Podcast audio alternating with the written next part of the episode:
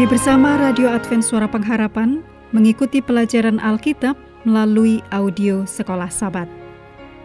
Selanjutnya kita masuk untuk pelajaran hari Minggu tanggal 25 Februari. Judulnya Pengorbanan Diri Gembala Ilahi.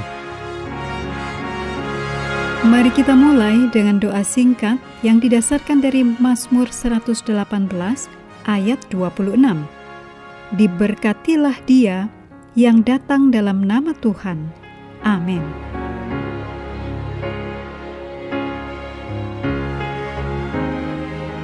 Dalam Mazmur pasal 23, Mazmur pasal 28 ayat 9, Mazmur pasal 80 ayat 1, Mazmur pasal 78 ayat 52 dan 53, Mazmur pasal 79 ayat 13, dan Mazmur pasal 100 ayat 3 digambarkan hubungan antara Tuhan dan umatnya.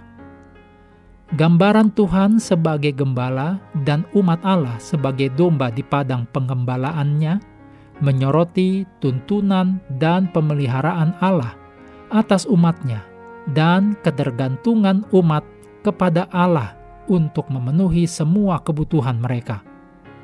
Gambaran tersebut menyampaikan pengertian kedekatan antara Tuhan dan umatnya, karena para gembala hidup dengan kawanannya dan merawat setiap domba secara individu.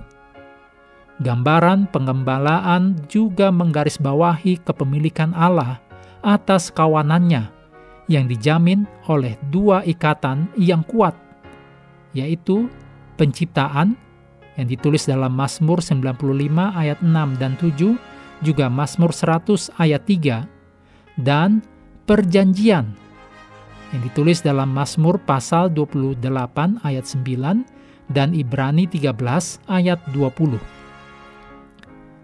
Gambaran tentang gembala ilahi yang memimpin Yusuf seperti kawanan domba yang ditulis dalam Mazmur 80 ayat 1 mungkin menyinggung berkat Yakub kepada Yusuf yang menggambarkan Allah sebagai gembala Israel dan dengan demikian berkaitan dengan janji dan berkat yang besar ini. Ditulis dalam Kejadian 49 ayat 24. Raja dianggap sebagai gembala rakyatnya. Ditulis dalam 2 Samuel 5 ayat 2. Namun, hanya Tuhan yang benar-benar pantas mendapatkan gelar ini, karena kebanyakan raja manusia tidak memenuhi panggilan tersebut. Hanya Yesus yang melakukannya. Itulah sebabnya dia disebut gembala yang baik. Dalam Yohanes 10 ayat 11 sampai 15, Yesus mengatakan tentang dirinya sebagai gembala yang baik.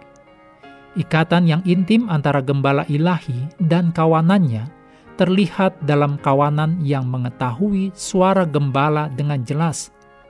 Ditulis dalam Yohanes 10 ayat 4 dan 27. Hingga saat ini, para gembala Timur Tengah dapat menyatukan kawanannya yang telah berbaur hanya dengan memanggil dombanya yang mengenali dan mengikuti suara gembalanya.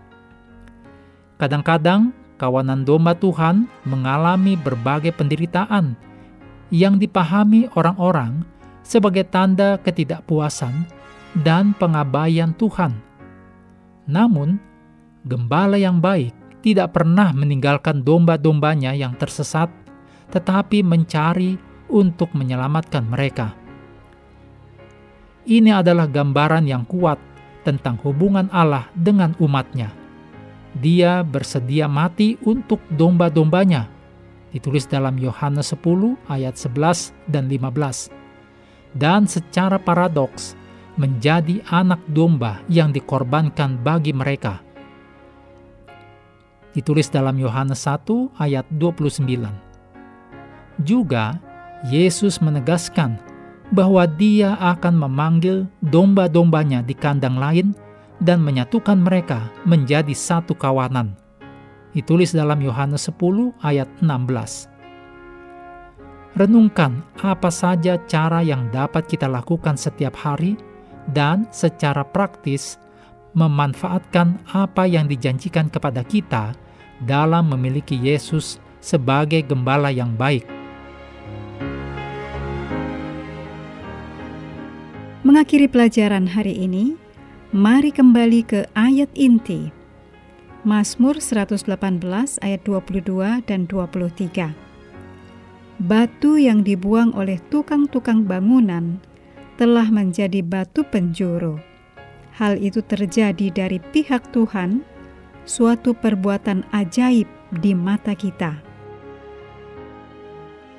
Kami terus mendorong Anda bersekutu dengan Tuhan setiap hari, bersama dengan seluruh anggota keluarga, baik melalui renungan harian, pelajaran sekolah sahabat, dan bacaan Alkitab sedunia, percayalah kepada nabi-nabinya, yang untuk hari ini melanjutkan dari Yeremia pasal 28.